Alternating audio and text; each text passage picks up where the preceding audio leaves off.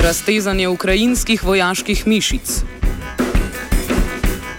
Francoska politična korektnost. Kolumbijski detant.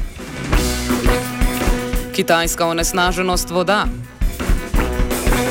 Festival Kaleidoskop v okrnjeni obliki.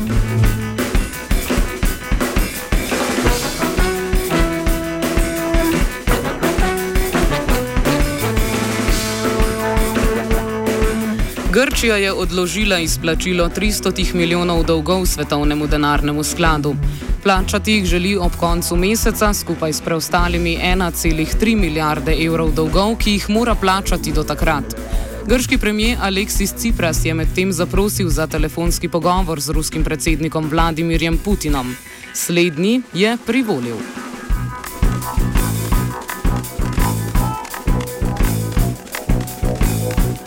Glede na letno poročilo ukrajinskega predsednika Porošenka pred parlamentom, ima Ukrajina zagotovljenih 11 dogovorov o prejemu vojaške opreme. Parlament je prav tako odobril spremembo zakona o teritorijalni suverenosti, po novem se lahko odobri nastanitev tujih vojakov na ukrajinskih tleh. S tem se seveda ne misli na ruske može v zelenem. Zakon prav tako zajema možnost, da se v Ukrajini nastani nuklearno orožje, seveda se tudi tokrat ne govori o medvedjih peklenskih konicah.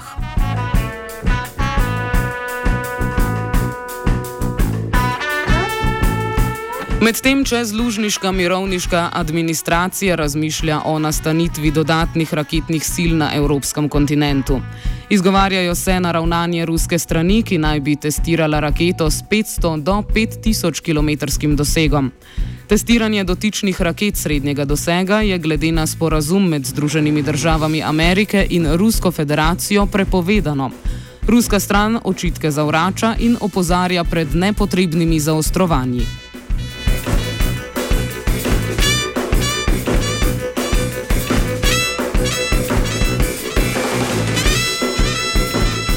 Francoske šole želijo dijakom prepovedati izražanje mnenja prek gestikulacije čip. Slednje poimenuje zvok, ki ga človek sprovede, ko prek priprtih ustnic skozi zobe potegne zrak. Kulturno čip izhaja iz afriških in karibskih držav, kjer je pojmovan kot žaljivka. Francoska mladež pa je uporabo izven bivših kontekstov ponotranila v svojih vsakdanjih življenjih za izražanje nezadovoljstva. Učitelji in šolske oblasti bodo uporabo ponovno sankcionirale.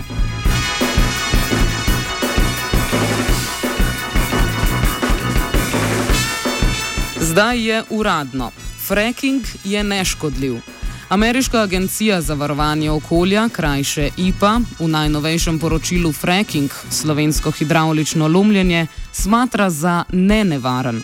Javnost je poročilo že označila za sporno. Primerna anekdota je zgodba Dika Šenija, ki je med službovanjem v Beli hiši sprovedel dopolnilo zakona, ki ravno agenciji za varovanje okolja prepoveduje analizo kemikalij za fracking. Utemeljitev je bila poslovna tajnost. Sočasno neodvisne raziskave kažejo na možnost, da kemikalije niso le rakotvorne, temveč povzročajo še množstvo drugih zdravstvenih težav.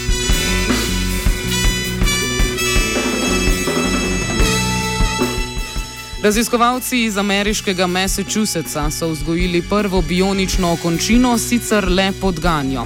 Na Petrijevki so na decelulizirano podganjo okončino ustavili zarodne celice in vse skupaj postavili v bioreaktor.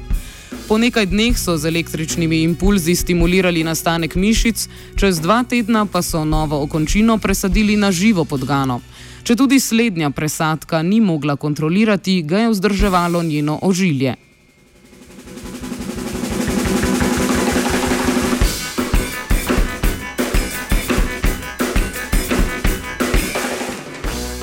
We can and we will solve our problem ourselves. We know how and we will. News from Slovenia.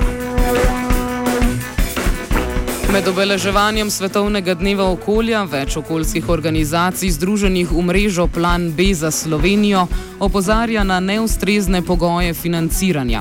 Več pove Gaja Brecel, direktorica Umanotere. V tej kampanji združene organizacije pod mrežo Plan B za Slovenijo to je mreža nevladnih organizacij za trajnostni razvoj, in danes ob dnevu okolja opozarjamo na to stanje, neodržno stanje. Gre za to, da um, je situacija pripeljala do tega, da je mnogo organizacij uh, v zelo slabem stanju in ne more več upravljati strokovno, neodvisno svojega poslanstva in svoje vloge v družbi.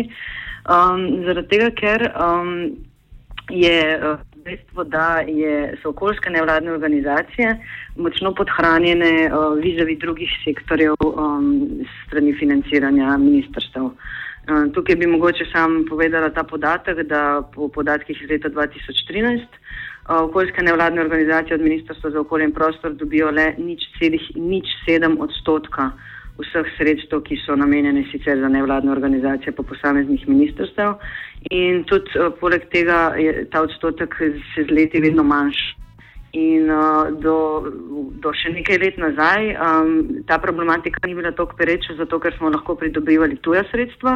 E, zdaj so se pa tudi tuja sredstva precej, precej zmanjšala, zaradi tega, ker Slovenija ni več uh, država. Um, prejemnica, ampak država donatorica in je mnogo teh skladov, ne švicarski, norveški in tako, jih ni več. Uh, tako da je um, ta specifika financiranja okoljskih nevladnih organizacij um, tukaj ravno zato tok, to stane tako pereče, ker uh, so tuji veri usahnili od podjetij, težko pridobivamo sredstva, uh, ker moramo zagotavljati svojo neodvisnost ne, in uh, imajo interes v glavnem podjetja financirati nas, ki bi preko nas izvajalo okoljsko zavajanje ali greenwashing. Tako da moramo um, pač, uh, zagotoviti obstoj teh profesionalnih in uh, v, javnem dob, v javnem interesu organizacij. Zato smo tudi začeli na to opozarjati. Mi ta dialog vodimo že nekaj let in smo vedeli tudi, da to, to stanje prihaja in smo si prizadevali za rešitev tudi že v prejšnjih letih. Spodbudnejše ekološke vesti prihajajo iz Zasavja, kjer je Agencija Republike Slovenije za okolje zavrgla vlogo Lafarge Cementa DOO za izdajo okoljevarstvenega dovoljenja. Slednji kljub 180-dnevnemu roku in dodatnim pozivom ni dopolnil svoje vloge s predpisanimi vsebinami. Situacijo podrobneje razlaga Uroš Macrl, vodja Eko Kroga. Arso je zavrgel vlogo Lafarge, kot vemo, Lafarge je oddal še eno vlogo za povečanje proizvodno in za uporabo petrolkoksa. Arso mu je dal dolg rok 180 dni, ker po napotilih sodišča in tudi normalno v tem postopku je pač treba za, za izdelavo rekel, poročila oziroma za izdelavo um, um, vplivov na okolje. Uh, izdelati je potrebno najprej dati, uh, Lafarge mora dati poročilo o vplivih na okolje in pa projekt nameravane, uh, nameravanga posega oziroma njihove proizvodne. Uh, ta dva dokumenta pomeni poročilo o vplivih na okolje in pa projekt uh, izvedenih, nameravanih izvedenih del, ki jih mislijo početi, bi mogli narediti v 180 dneh. Uh, oddali so v roku, mi smo šli takoj po preteku roka dvigniti dokumentacijo, pogledati in ugotoviti tisto, kar je tudi Arso zdaj ugotovil. Kar pomeni, uh, projekt uh, nameravanega posega oziroma dela njihovega uh, je bil na dveh straneh. Dve strani, brez podpisa, brez žiga. To pomeni, mi smo pričakovali, da bo tam noter vsaj vse tehnološke uh, lastnosti tovarne, tehnološke lastnosti uporabe petrolkoksa, tehnolo vse tehnološke podatke povečanja proizvodnje in vsi tehnološki podatki vseh sprememb, ki so jih v zadnjih letih naredili v tej tovarni.